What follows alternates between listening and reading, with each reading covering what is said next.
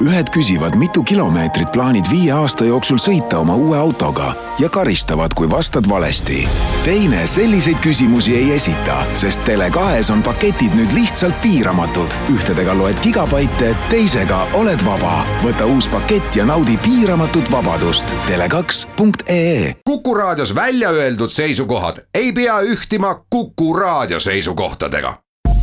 Te kuulate Kuku Raadiot hääletades Euroopasse. Saadet toetab Euroopa Parlamendi Eesti büroo algab saade Hääletades Euroopasse. stuudios on saatejuht Annika Õunap ja minuga koos Kantar Emori uuringute juht Aivar Voog ja Reet-Mari Rokk, Kantar Emori uuringuspetsialist, tere tulemast. tere, tere räägime täna sellest, kui kaalukas on üks hääl valimistel. meil on sel kevadel tulemas kahed väga olulised valimised, kolmandal märtsil Riigikogu valimised ja kohe otsa, kahekümne kuuendal mail Euroopa Parlamendi valimised. vaatasin erinevate valimiste viimast hääletamise aktiivsust ja näiteks kahe tuhande viieteistkümnenda aasta Riigikogu valimiste valimisnimekirjas oli pea üheksasada tuhat hääleõiguslikku Eesti Vabariigi kodanikku. aga neist hääletamas käis kuuskümmend neli koma kaks protsenti hääleõiguslikest valijatest viimastel kohalike omavalitsuste valimistel kahe tuhande seitsmeteistkümnendal andis oma hääle viiskümmend kolm koma kaks protsenti valijatest.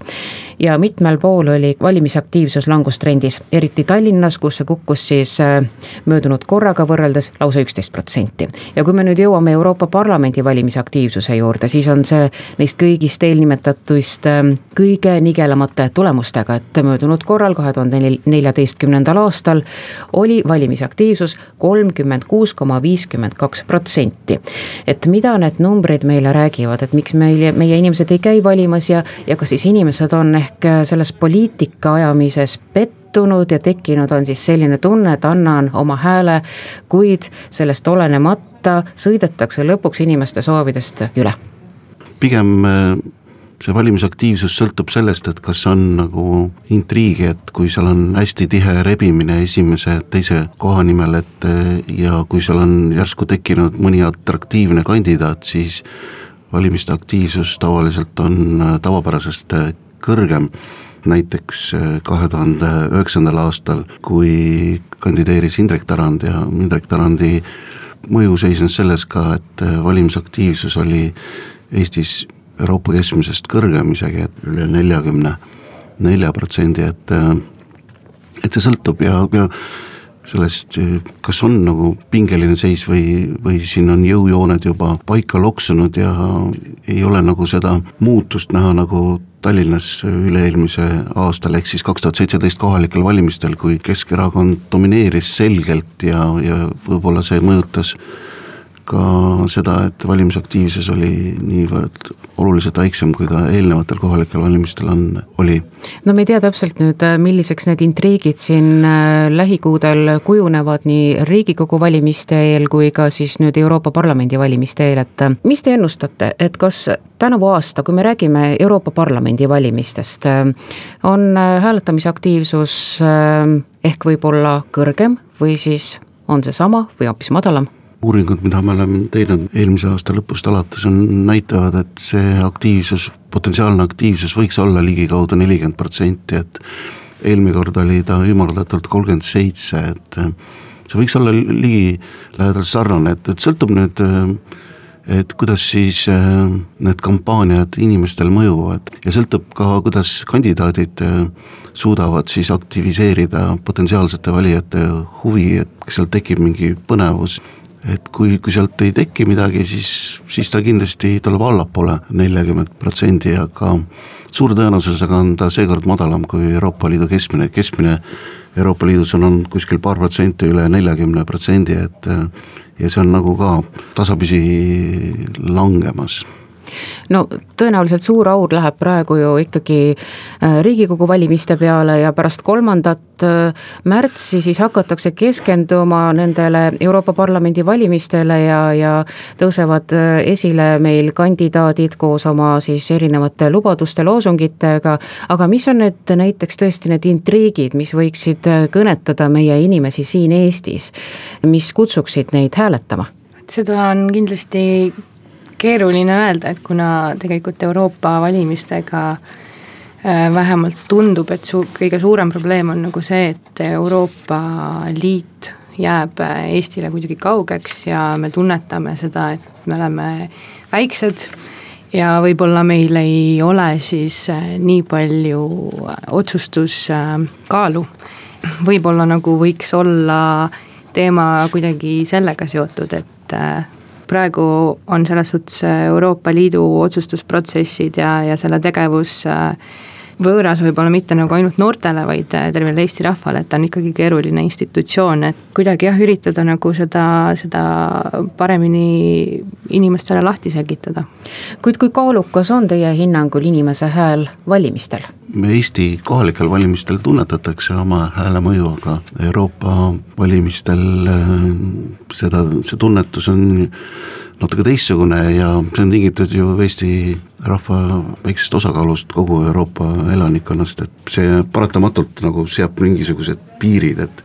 kui sa oled nii väikse osakaaluga, et kuidas siis sa saad neid protsesse seal eh, kaugemal mõjutada, et et kui, kui seal nende isikute kaudu, kes seal Euroopa Komisjonis töötavad tähtsatel ametikohtadel, kui nad ise oma seda tööprotsessi tutvustaks lähemalt, et noh, näidata, et et näed, et ikka eestlased on midagi teinud ja midagi tegemas, et see oleks oluline, et siis ka kasvaks see Eesti mõjutunnetus. kas teie konkreetselt praegu teate midagi sellist, mida on meie Euroopa saadikud Euroopa Parlamendis ära teinud, konkreetselt, tuleb teil meelde? Kahjuks, kahjuks ei tule. Aga vaatasin äh, uuringut, mida te ise siin ka hiljaaegu läbi viisite, et äh, tõepoolest, et lausa seitsekümmend kuus protsenti eestlastest arvab, et nende hääl Euroopa Liidus ei loe. Ja, ja sellel ei ole kaalu, et äh, tundub, et siiski enamik eestlasi on kaldu tõepoolest selle, sellele poole, et nad tõesti arvavad, et me oleme siin ääremaal, Euroopa Liit on kuskil seal kaugel Strasbourgis ja ajab oma asja. aga te küsisite oma uuringus ka seda, et kui huvitatud on eestlased nendest äh, nüüd tänavuaastastest valimistest, et mis need tulemused näitasid? ega siin suuri erinevusi Euroopa keskmisega on väiksem, huvi on natuke väiksem ja ja huvitatuid oli nelikümmend viis protsenti oli huvitatud Euroopa Liidus, keskmiselt oli neid mõnevõrra enam, viiskümmend üks, et ähm, et kui me oleme seda küsimust äh, küsinud ka varem, et äh, näiteks kaks tuhat üheksa, siis siis see oli hästi sarnane tegelikult ähm, Euroopa Liidu keskmisele, et juba selle alusel võis arvata, et see Eesti valimisaktiivsus tuleb Euroopa Liidu keskmisele hästi lähedane, et praegusel antud juhul on näha jah, et see huvi on natuke väiksem kui Euroopa Liidus keskmiselt. see valimisaktiivsus ei ole nüüd nii väga palju väiksem ka sellest Euroopa keskmisest, et selles mõttes me siin iseenesest oma silmi justkui nagu peitma ei pea ja häbenema ka otseselt ei pea, sest tundub nagu Euroopa Liidus on see number keskmiselt tõepoolest seal neljakümne millegi kandis, et ka teised Euroopa Liidu riikides elavad inimesed äh, kuidagi ei saa aru, mida seal Euroopa Parlamendis aetakse. täpselt nii, et äh, riigiti on muidugi mida kaugemale Brüsselist äh, see riik asub, et tavapäraselt siis seda väiksem see valimisaktiivsus kipub olema. Te küsisite uuringus sedagi, et kas inimesed üldse teavad, et millal need valimised toimuvad, et äh, kui paljud teavad sellest? kuskil ligikaudu pooled oskasid siis öelda, et äh, valimised toimuvad äh, mai lõpus. kui uuringust tuleb välja, et inimesed on huvitatud Euroopa Parlamendi valimistest, siis ikkagi mingisugune kümmekond või, või viisteist protsenti kaob nendest nagu õige, õigeks päevaks ära mm. -hmm. eks äh, jah, praegu on selles suhtes keeruline ikkagi ennustada, et äh, tuleb vaadata ära, mis need äh, Riigikogu valimised teevad ja ja kuidas siis erakonnad peale seda hakkavad oma valimiskampaaniat tegema, et äh, aga mida võib äh, selle uuringu tulemustest äh, juba paremini eeldada, siis on, on need sotsiaaldemograafilised äh, rühmad, kes äh, on siis tõenäolisemad minema valima ja kes siis vähem. et seal on äh, päris selgelt välja joonistanud, joonistunud siis iseärasused, et mida vanem on vastaja, seda tõenäolisemalt ta valima läheb, mida kõrgema haridustasemega, seda tõenäolisemalt ta läheb. ja ka sissetulek ja siis ametipositsioon on, on see, mis mis määrab päris oluliselt siin aktiivsust räägime sellest lähemalt juba pärast pausi, kuid enne seda veel ütleme korra üle, et Euroopa Parlamendi valimised toimuvad kahekümne kuuendal mail, Riigikogu valimised kolmandal märtsil. tuleme kohe tagasi. hääletades Euroopasse. saadet toetab Euroopa Parlamendi Eesti büroo hääletades Euroopasse saade jätkub, stuudios on saatejuht Annika Õunap ja minuga koos siin Kantar Emorist äh, uuringujuht Aivar Voog ja Reet-Mari Rokk. enne pausile minekut äh, rääkisime sellest, et äh, selgelt on joonistunud välja huvigrupid, kes lähevad valima, ükskõik siis kas siis tõesti nagu Riigikogu valimistel või siis ka Euroopa Parlamendi valimistele. Et mida vanem on inimene, seda tõenäolisem on, et ta valimiskasti juurde jõuab. aga see vist tähendab siiski seda, et selgelt jäävad valimistest kõrvale noored. noorte madal valimisaktiivsus äh, ei ole muidugi ainult probleemiks Eestis, et äh, ta on äh, olnud pikemat aega juba tõsisemaks murekohaks terves demokraatlikus maailmas. see on kindlasti suur probleem, kuna kõrvale jääb ju väga suur ja oluline osa elanikkonnast ja sellest on ka seetõttu palju räägitud, üritatud siis põhjuseid leida, tehtud uuringuid ja kui nüüd toetuda nendele uuringutele, siis noored ise toovad põhjusena välja siis seda, et äh, neil ei ole poliitika vastu huvi. aga ma arvan, et see ei ole mingi selline vaikimisi norm, et, et noortel ei äh, olegi poliitika vastu mingit huvi, vaid pigem äh, on see asi, mida annab muuta, aga millega tuleb ka kindlasti tegeleda, et see, ma arvan, on pigem selline kehva teavitustöö ja kampaania tulemus, et kus noortega ei suudeta siis kontakti luua. Tihti ei ole kellegiga või millegagi kampaaniates samastuda ja isegi kui programmides on eh, neid eh, noortele suunatud tegevusi või lubadusi, siis pigem jäävad need tihti nagu tahaplaanile. Samamoodi siis kampaania tegemine võiks olla nagu pigem noortespetsiifilisem, et hetkel ei ole minu arvates vähemalt tunda, et noori võetaks kui tõsiseltvõetavat äh, valijagruppi, et. Te olete ise väga hästi öelnud ühes artiklis, et äh, noored ei käi valimas, kuna poliitikud ei kõneta neid ja poliitikud ei tegele noortele suunatud kampaaniatega, kuna noored niikuinii ei käi valimas, see tundub selline ring olevat, aga kuidas sellest suletud ringist välja tulla nüüd? et ma ei tea, kust võtab poliitik sellise julguse, et ma nüüd panen oma aja, ressursi noorte peale, samas mitte mingit garantiid ei ole, et sealt mingeid hääli tuleb kust ta võtab julguse, see on äh, jällegi hea küsimus, aga see julgus tuleb lihtsalt võtta, kuna nagu ma enne ka mainisin, siis äh, praegu jääb ju ikkagi oluline osa elanikkonnast esindamata poliitikas, et äh, see võiks olla juba nende endi eesmärgist või poliitilisest tahtest tulenev asi, et, et need inimesed, et need noored inimesed ikkagi kaasata poliitikasse ja ma arvan, et hea algus olekski see, kui noortele poliitikas rohkem tähelepanu pöörata ja tegeleda enam siis nende teemadega, mis on ka noortele olulised.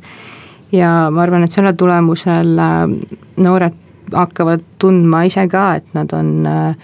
oluline nii-öelda sihtrühm ja see võiks ju tekitada neis rohkem huvi, et et kindlasti panustada siis rohkem äh, noortele suunatud kommunikatsiooni ja ja mõelda nagu rohkem läbi seda, et eh, kuidas seda kommunikatsiooni siis eh, teha ja millistes kanalites ja nii, ja nii edasi. aga kui palju üldse noori siiski huvitab, et mis nende ümber toimub ja mis ühiskonnas toimub, et no jäänud on küll selline mulje, et äh, paljusid noori ei huvita ju absoluutselt, äh, mis ühiskonnas toimub ja, ja samas ei saa ju seda ka pahaks panna, et äh, noor ju alles kujundab oma vaateid, oma arvamusi ja, ja nagu paljud uuringud on ka öelnud, et noor jõuab valimiskasti juurde alles kuskil kahekümne viiendaks eluaastaks. see võib-olla ongi selline hiline, hilise poliitilise sotsialis-, sotsialiseerumise tulemus, et äh, tegelikult võiks seda tööd noortega seda huvi äratada juba, juba varasemas eas, et praegu need ühiskonnaõpetuse tunnid võib-olla ei, ei suuda seda teha. et mõelda välja midagi uudsemat, hakata neid äh, kaasama. et kohalike valimiste eel tegelikult ju äh, kui me vaatasime neid noorte hulgas, neid tulemusi, siis seal on nagu eristus noorte hulgas kaks vanuserühma, et äh, need noored, kes veel õppisid koolis, et tegelikult nende teadlikkus oli suurem, sellepärast et koolis äh, räägiti valimistest ja see avaldas ka mõju, et, et seal nagu äh, see järgmine siis vanusegrupp, kes oli kooli lõpetanud, ja alustamas iseseisvat elu kuskil oli tööle läinud, vot seal oli teadlikkus nagu oluliselt madalam, et koolis nagu noorte hulgas, kuna ühiskonnaõpetuse tundides ja nendest asjadest räägitakse ja, ja ka koolides lubatakse nüüd kas või parlamendivalimiste eel neid erakondadel ka väitlusi maha pidada, et, et see kindlasti aitab sellele teadlikkuse kasvule, et, et see on oluline, aga aga ma mõtlen, et just Euroopa valimiste eel, et kui erakonnad leiavad ja, ja paneksid kandidaatide tippu ka rohkem noori, et, et see oleks kindlasti see faktor, mis aitaks noorte aktiivsust suurendada, et, et et praegu, kui suuremad erakonnad, olen kuulnud või mis meedias kajastatud, et seal on nagu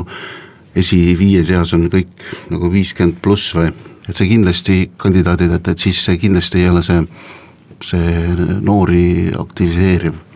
moment, et kindlasti nende kandidaatide hulgas ja eriti nende tipu osas peaks olema nagu ka nooremaid inimesi kui me siin ennustasime, et äh, milliseks kujuneb siis äh, meie Euroopa Parlamendi valimis, äh, valimiste hääletamise aktiivsus Eestis nüüd maikuus, kahekümne kuuendal mail. kas te olete uurinud ka noorte osakaalu sellest? Meil on sellesama uuringu raames, kus me mõõtsime nüüd detsembri lõpus ja jaanuari alguses neid valima minemise kavatsusi, on meil küll olemas vanuserühmade võrdlus Äh, ja seal on äh, tõesti äh, vahed päris suured, et kuni kahekümne nelja aastastest kuskil veerand on väljendanud huvi valima minna ja selle, see siis versus seitsekümmend viis kuni kaheksakümmend neli sihtrühm, kellest plaanib siis valima minna kuskil kuuskümmend kuus protsenti, et see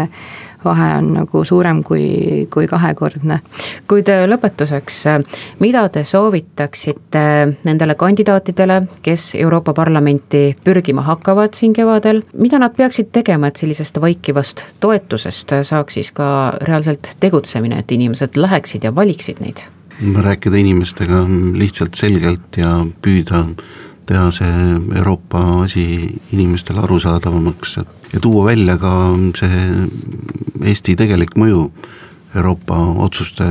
tegemisel, et, et kuidas see protsess on käinud, et et Eesti poliitikud on saanud protsesse mõjutada ja, ja sellest tuleks äh, rohkem rääkida. aga suured tänud, et äh, leidsite aega stuudiost läbi tulla hääletades Euroopasse tänaseks äh, lõpetab stuudios olid äh, Kantar Emori uuringujuht Aivar Voog ja Reet-Mari Rokk, Kantar Emori uuringuspetsialist. Saadet juhtis Annika Unap. hääletades Euroopasse. Saadet toetab Euroopa Parlamendi Eesti büroo